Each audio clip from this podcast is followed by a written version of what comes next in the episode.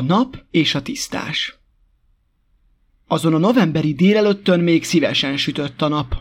Későn ébredt, és olyan kedvel, hogy látni akarta magát a vizekben. Elkergette az orra előtt ácsorgó felhőket, és megkérdezte a tengertől. Tükröm, tükröm, mondd meg nékem, ki a legszebb a világon? És a tenger egyetlen szóval felelt. Azt az egy szót is úgy küldte fel a naphoz, hogy tornyot épített a hullámokból, s rátűzte a torony hegyére. Én. Aztán tovább játszadozott. Előbb nyakon öntötte a bámészkodó partifákat, majd kisemozdulva partjaiból kedvtelve nézegette a sirályok fehér csokrát. Mert ahogy a tenger, a sirályok is éppen játszadoztak. Azt játszották, hogy csokorba gyűltek, majd aláhultak a vízre, mint egy szétbomló rózsacsokor. De ki tudná kivárni, hogy mikor hagyják abba? Ha olyan kedvük van, lehet, hogy csak alkonyatkor. A napnak pedig útja van, ott megy már a fölött, a széles folyó fölött, és attól is megkérdezi. Tükröm, tükröm, mondd meg nékem, ki a legszebb a világon. A folyó százat is csobogott egy perc alatt, de felelni egy szóval felelt. Ugyanazzal a szóval, mint a tenger. Én. Aztán csobogott tovább. Csobogott, ahol ember rakta kőből volt a partja, és csobogott ott is, ott talán még hangosabban, ahol fűzfák és madarak kortyolgattak a vizéből. Csobog, csak csobog, morogta a nap. Majd meghallom, hogyan csobogsz, ha holnap vagy holnap után rossz kedvűen ébredek, ha úgy csötök rád, hogy igenis, nem is, ha jeget raknak hátadra a szelek. Akkor aztán föl nem olvasztalak egészen tavaszig. Ezt morogta, vagy csak gondolta a nap. Akár morogta, akár gondolta, mindenképp elment a kedve attól, hogy tovább faggassa a vizeket. De még a réteket se kérdezte, a tömött erdőket se, Kiválasztott egy magányosan áldogáló útszéli fát, azt szólította meg. Tükröm, tükröm, elejtettem. Elejtettem, összetörtem. Cserepekre tört a tenger, meg a folyó, meg a tó. Útszéli fa, tőled kérdem. Magányos fa, mondd meg nékem, ki a legszebb a világon? Ennek a magányos útszéli fának már nem sok levele volt, mégis amit még nem téptek le róla az őszi szelek, abból a kevésből is földre ejtett hármat vagy négyet, de felelni csak két szóval felelt. Ezzel a két szóval. Az árnyékom. Aztán úgy álltott az út szélén, mintha azt várná, visszaszállnak rá a lehullott levelek, és nem csak visszaszállnak, de ki is zöldülnek. Dehogy is szállnak, dehogy is zöldülnek. Egyetlen zöld volt virít már csak amerre a nap ellát, egy kicsi, de nagyon kicsi tisztás, az isaszegi erdő közepén. Nem is a közepén, hanem attól jobbra, nyolc vagy kilenc rigóugrásnyira. Hogy miért épp az isaszegi erdőben? Azért, mert az isaszegi erdőről még senki sem mondott mesét.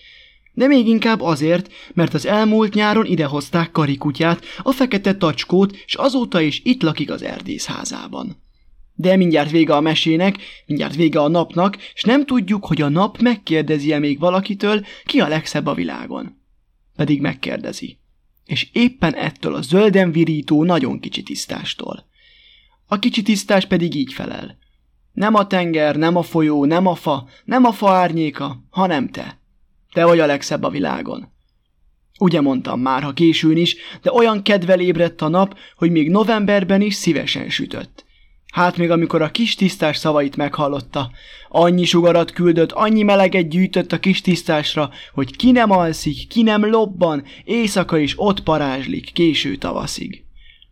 Múltak a napok, múltak a hetek, mert ez a szokásuk és a dolguk, hogy múljanak, s beállt a tél, mert annak is az a szokása, hogy ha hamarabb, ha később, végül is megérkezik.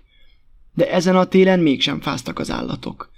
Először egy mókus vette észre, hogy a kis tisztás csupa fény, és amikor kíváncsian leugrott a fáról, és odafutott, azt is megérezte, hogy úgy melegít, mint a nyári napsütés. Örömében két lábra állt, mintha csak diót tartana az első két mancsában, így melegedett a napsugarakká vált fűszálaknál. Ha a mókus így, persze, hogy így a nyúl is. Ha a nyúl, akkor a borz is. Ha a borz, akkor a róka is, ha a róka, az őz meg a szarvas is. De még a hetven farkas is, akik rég kivesztek, rég nem élnek, honnan-honnan nem, azok is ide gyűltek. És az a sok állat, és akiket majdnem kifelejtettem, a fákról leszálló madarak is, ha hiszitek, ha nem, úgy állták körül a kis tisztást, hogy mindnek jutott a melegből, hogy mind elfért ott. De miért ne hinnétek? Karikutya is elhitte, igaz ő a saját szemével látta, amikor arra járt új gazdájával, az erdésszel, akinek persze puska volt a vállán. És attól kezdve ahányszor arra vitt az útjuk, ők is beálltak melegedni az állatok s madarak közé. Így történt, hogy karikutya egyszer szóba is elegyedett a melegedő állatokkal. Én már láttam ilyen csodát, mondta, mire a mókus négy lábra ereszkedve megkérdezte. Hol? Egy szobában, ahol három évig laktam. Abban a szobában is egész térre szóló, egész télen csevegő meleget gyújtott egy lány, akit én úgy szerettem, mint ez a tisztás a napot. Sóhajtott egyet. Éppen úgy, ahogy a kutyák szoktak sóhajtani, aztán így folytatta. Ő is azt mondta, ha ölébe ugrottam, ha megsimogatott, úgy szeret engem, mint a napatisztást. Mégis egy nyári reggel vonatra szállt velem, akkora utat tettünk, mint ide három ezer ház, aztán itt hagyott az erdőben, s azóta se jött értem. Megint sóhajtott egyet, megint úgy, ahogy a kutyák szoktak sóhajtani, és megkérdezte csak úgy magától. Hát soha se fogják eltanulni tőlünk az emberek a hűséget. De hiába mondott és sóhajtott karikutya olyan nagyon igazat, a mókus csak így szólt. Hiszi a nyúl.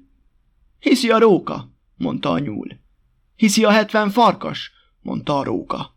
Mi se hisszük, mi se hisszük, kiáltották a farkasok. Persze, hogy nem hiszitek, hiszen ti akkor se jártatok szobában, amikor még éltetek. Hát még most, amikor már száz éve ti vagytok a kiveszett farkasok. Ezután már csak egy csaholásnyit szólt, azt is a puskát viselő gazdájához, és elindultak, hogy visszamenjenek az erdészházba. Ők ketten, Karikutya és a gazdája. Az erdőlakó állatok és madarak ott maradtak a tisztásnál, és ott melegszenek ma is. Mert máig is élnek, mert máig se halt meg közülük egy sem.